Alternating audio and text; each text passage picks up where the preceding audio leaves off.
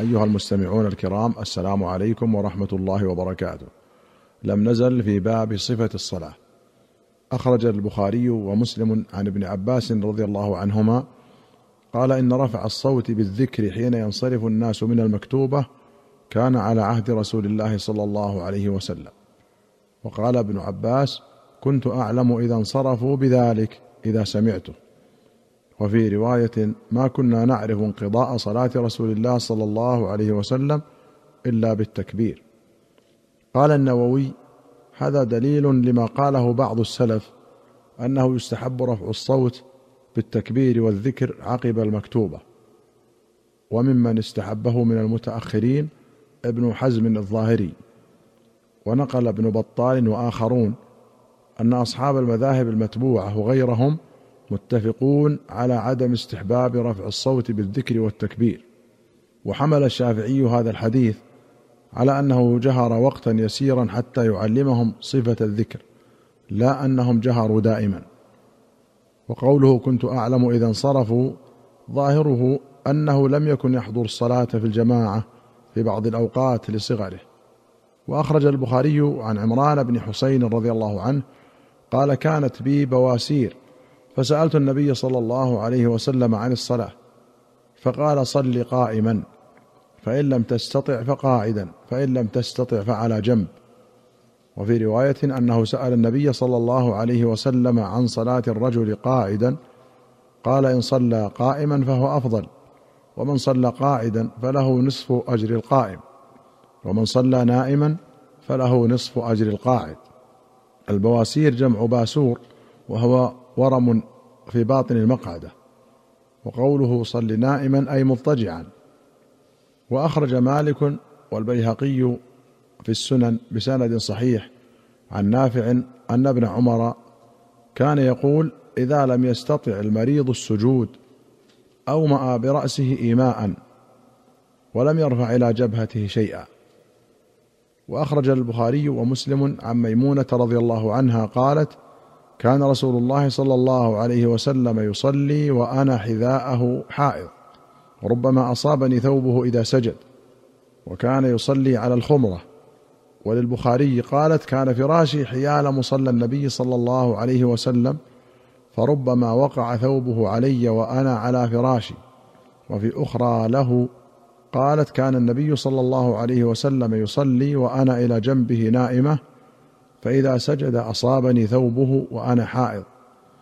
قولها حياله وحذاءه أي إلى جنبه كما جاء في الرواية الأخرى. والخمرة مصلى صغير يعمل من سعف النخل. سميت بذلك لسترها الوجه والكفين من حر الأرض وبردها. ولا تكون خمرة إلا بهذا المقدار. فإن كانت كبيرة سميت حصيرا. وقال الخطابي هي السجادة. وأخرج مسلم عن أبي سعيد رضي الله عنه أنه دخل على النبي صلى الله عليه وسلم قال فرأيته يصلي على حصير يسجد عليه. قال ورأيته يصلي في ثوب واحد متوشحا به. وأخرج البخاري عن مجزأة بن زاهر عن رجل من أصحاب الشجرة اسمه أهبان بن أوس وكان يشتكي ركبتيه. فكان إذا سجد جعل تحت ركبتيه وسادة. وأخرج البخاري ومسلم عن جابر رضي الله عنه قال كنا مع النبي صلى الله عليه وسلم فبعثني في حاجة فرجعت وهو يصلي على راحلته ووجهه على غير القبلة فسلمت عليه فلم يرد علي فلما انصرف قال أما إنه لم يمنعني أن أرد عليك إلا أني كنت أصلي وللبخاري أن النبي صلى الله عليه وسلم كان يصلي التطوع وهو راكب في غير القبلة. فإذا أراد أن يصلي المكتوبه نزل فاستقبل القبلة. ولمسلم قال أرسلني رسول الله صلى الله عليه وسلم وهو منطلق إلى بني المصطلق فأتيته وهو يصلي على بعيره فكلمته فقال لي بيده هكذا وأومأ زهير بيده ثم كلمته فقال لي هكذا فأومأ زهير أيضا بيده نحو الأرض وأنا أسمعه يقرأ يومئ برأسه. فلما فرغ قال ما فعلت في الذي أرسلتك له؟ فإنه لم يمنعني أن أكلمك إلا أني كنت أصلي. وأخرج البخاري ومسلم عن سعيد بن يزيد. قال سألت أنس بن مالك أكان النبي صلى الله عليه وسلم يصلي في نعليه؟ قال نعم. وأخرج أحمد وأبو داود والحاكم والبيهقي في السنن والبغوي بسند صحيح عن أبي هريرة رضي الله عنه أن النبي صلى الله عليه وسلم قال لا غرار في صلاة ولا تسليم قال أبو داود قال أحمد يعني فيما أرى أن لا تسلم ولا يسلم عليك ويغرر الرجل بصلاته فينصرف وهو فيها شاك والحديث يروى بجر تسليم ولا تسليم عطفا على الصلاة وبنصبه عطفا على غرار. وروي لا اغرار والغرار النقصان. قال الخطابي في معالم السنن لا غرار أي لا نقصان في التسليم ومعناه أن ترد كما يسلم عليك وافيا لا تنقص فيه. وأما الغرار في الصلاة فهو على وجهين أحدهما أن لا يتم ركوعه وسجوده والآخر أن يشك هل صلى ثلاثا أو اربعا فيأخذ بالأكثر ويترك اليقين وينصرف بالشك. وقال في النهاية الغرار في الصلاة نقصان هيئاتها وأركانها. وقيل أراد بالغرار النوم أي ليس في الصلاة نوم. وأخرج مسلم عن أبي هريرة رضي الله عنه أن رسول الله صلى الله عليه وسلم قال من صلى صلاة لم يقرأ فيها بفاتحة الكتاب فهي خداج. يقولها ثلاثا غير تمام. فقيل لأبي هريرة إنا نكون وراء الإمام. فقال اقرأ بها في نفسك. فإني سمعت رسول الله صلى الله عليه وسلم يقول قال الله تعالى قسمت الصلاة بيني وبين عبدي نصفين ولعبدي ما سأل. وفي رواية فنصفها لي ونصفها لعبدي. فإذا قال العبد الحمد لله رب العالمين قال الله حمدني عبدي. وإذا قال الرحمن الرحيم قال الله أثنى علي عبدي.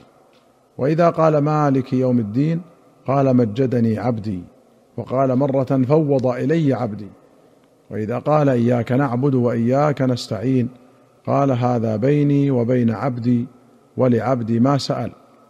فإذا قال اهدنا الصراط المستقيم صراط الذين أنعمت عليهم غير المغضوب عليهم ولا الضالين. قال هذا لعبدي ولعبدي ما سأل. الخداج النقص والخديج الناقص الخلقة. والصلاة في قوله قسمت الصلاة المراد بها الفاتحة. سميت بذلك لأنها لا تصح إلا بها. قال النووي فيه وجوب قراءة الفاتحة وأنها متعينة لا يجزي غيرها إلا لعاجز عنها. وهذا مذهب جمهور العلماء من الصحابة والتابعين فمن بعدهم.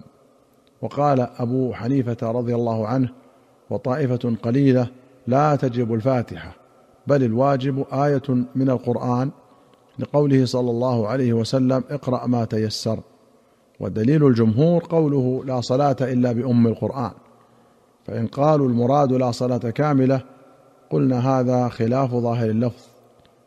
وأخرج البخاري ومسلم عن عبادة بن الصامت رضي الله عنه أن رسول الله صلى الله عليه وسلم قال لا صلاة لمن لم يقرأ بفاتحة الكتاب.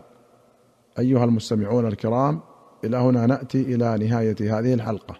حتى نلقاكم في حلقة قادمة إن شاء الله. نستودعكم الله. والسلام عليكم ورحمة الله وبركاته.